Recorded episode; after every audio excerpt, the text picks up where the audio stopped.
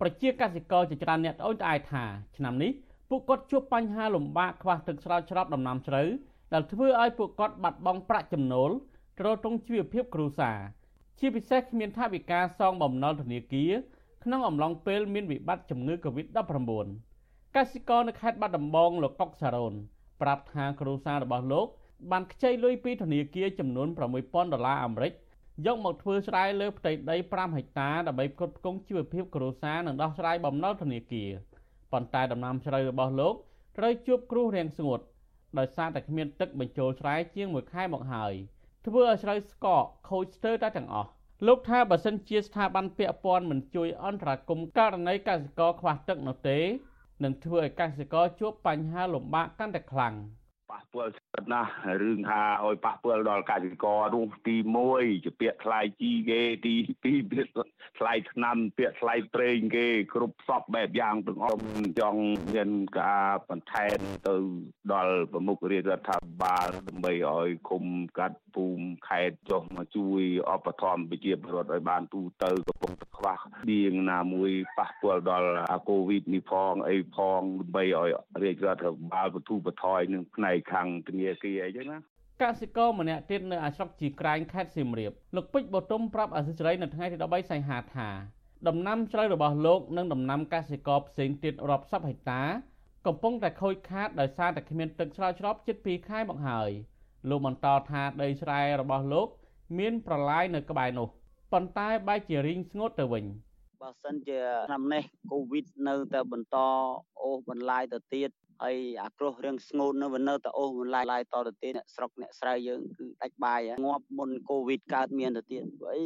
យើងម្នាក់ម្នាក់សង្ឃឹមទៅលើស្រូវស្រែហ្នឹងបើស្រូវស្រែវាយ៉ាងហ្នឹងទៅហើយយើងយើងអាចនឹងរស់បានដោយរបៀបណាយើងដោះស្រាយជីវភាពបែបណារឿងកូវីដយើងអាចធ្វើអីបានចាក់វ៉ាក់សាំងរួចក៏ម្នាក់ម្នាក់នៅទៅផ្ទះមានធ្វើការធ្ងន់រំពឹងសត្វពាហនៈសត្វពាហនៈហ្នឹងក៏សឹងតែងាប់ទាំងស្មៅឲ្យកោស៊ីទៅទៀតហើយកោហ្នឹងក៏វាមិនរស់ទៅទៀតដោយសារតែវាមានអាជំងឺរីឯកសិករនៅសង្កាត់ស្រយៅក្រុងស្ទឹងសែនខេត្តកំពង់ធំឯណោះវិញលោកចិត្តបន្តានប្រាប់ថា គ្រូសាលោកបានជួលស្រែប្រាំងពីគេជាង40ហិកតាដោយរំពឹងថាធ្វើឲ្យជីវភាពគ្រួសារល្អប្រសើរក្រោយពីប្រមូលផលប៉ុន្តែបែរជាទិន្នផលស្រូវរបស់លោកឆ្នាំនេះ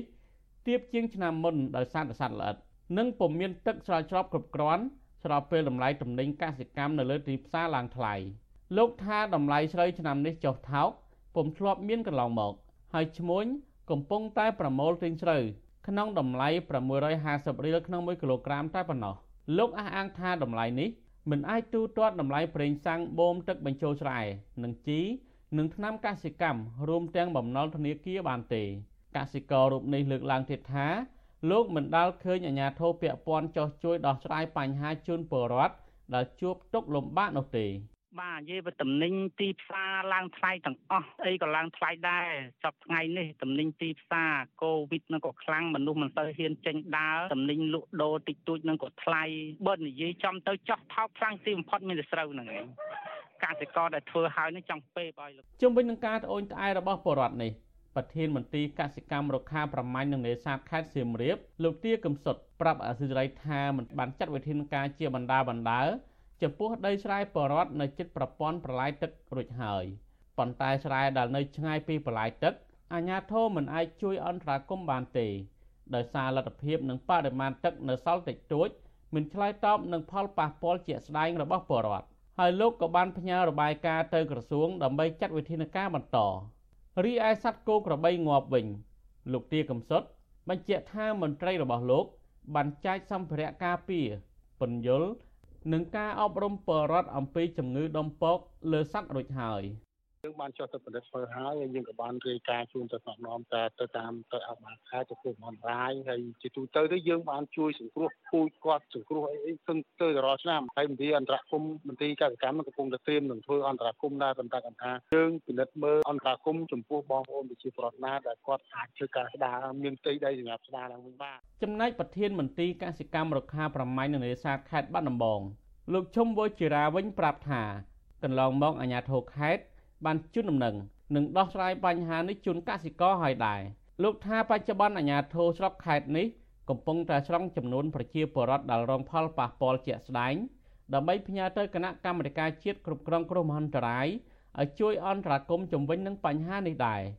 លោកបញ្ជាក់ថាតម្លៃជ្រៅធ្លាក់ចុះដោយសារតែប្រទេសមួយចំនួនផ្អាកបញ្ជាទិញក្នុងពេលដែលមានវិបត្តិជំងឺ Covid-19 នេះ ជម្រាបជូនបងប្អូនដែរថាដោយសារជារុក្ខជាតិដែលធន់អញ្ចឹងគឺខ្លះក្នុងរយៈពេលនៃការអត់បានទទួលគ្រឿងគ្រប់គ្រាន់រយៈពេលកន្លះខែធំប៉ុន្តែបើយើងស្អែកឡើងវាត្រូវគ្រឿងមកជោគជាំត្រូវនឹងគឺមួយថ្ងៃពីរថ្ងៃនឹងប្រែពណ៌ទៅជាខៀវវិញហើយវាគ្រាន់តែបង្អែកការលូតលាស់វាធ្វើឲ្យថយធំថយផល4 20%អសិរ័យមិនអាចតតងប្រធានអង្គភិបអ្នកនាំពាក្យរដ្ឋាភិបាលលោកផៃសិផាន អ្នកនាំពាក្យក្រសួងកសិកម្មរុក្ខាប្រមាញ់និងនេសាទលោកស្រីវុធីនិងមន្ត្រីក្រសួងធនធានទឹកនិងអតនិយមដើម្បីសុំការបញ្ជាក់បន្ថែមពីរឿងនេះបានទេ កាលពីថ្ងៃទី13កក្កដាជំវិញនឹងរឿងនេះប្រធានសមាគមសម្ព័ន្ធសហគមន៍កសិករកម្ពុជា លោកថេងសាវឿនមានប្រសាសន៍ថាគ្រោះរាំងស្ងួតបានធ្វើឲ្យប៉ះពាល់ធ្ងន់ធ្ងរដល់សេដ្ឋកិច្ចកសិករ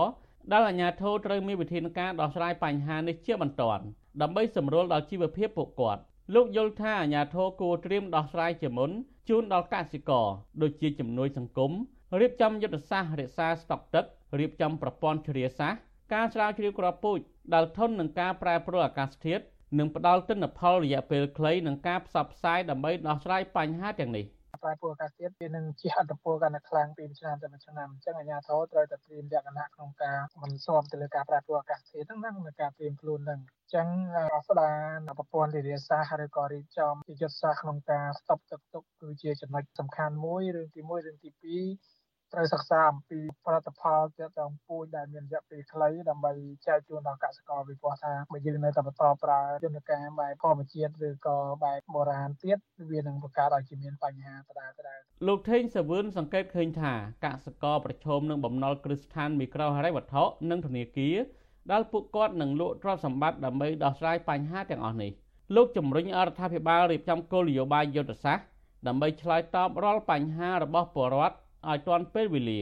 ដោយឡែកក្រមប្រជាកសិករវិញក៏ចង់ឃើញរដ្ឋាភិបាលដោះស្រាយបញ្ហានេះដោយទម្លាក់សាច់ប្រាក់ជួយដល់ពួកគាត់ដែលជួបបញ្ហាខ្វះខាតផលដំណាំធានានៅតម្លៃកសិកម្មនិងបញ្ចុះតម្លៃថ្នាំនិងជីកសិកម្មដើម្បីជួយដល់កសិករដែលកំពុងតែជួបប្រទះបញ្ហាខ្វះខាតនេះពួកគាត់ព្រួយបារម្ភថាបើសិនជាបញ្ហារបស់កសិករមិនត្រូវបានរដ្ឋាភិបាលដោះស្រាយទេនោះនឹងធ្វើឲ្យជីវភាពពួកគាត់រងទុក្ខលំបាកកាន់តែខ្លាំងថែមទៀត។ ខ្ញុំទីនសាការីយ៉ាស៊ីសេរីប្រធានីវ៉ាស៊ីនតោន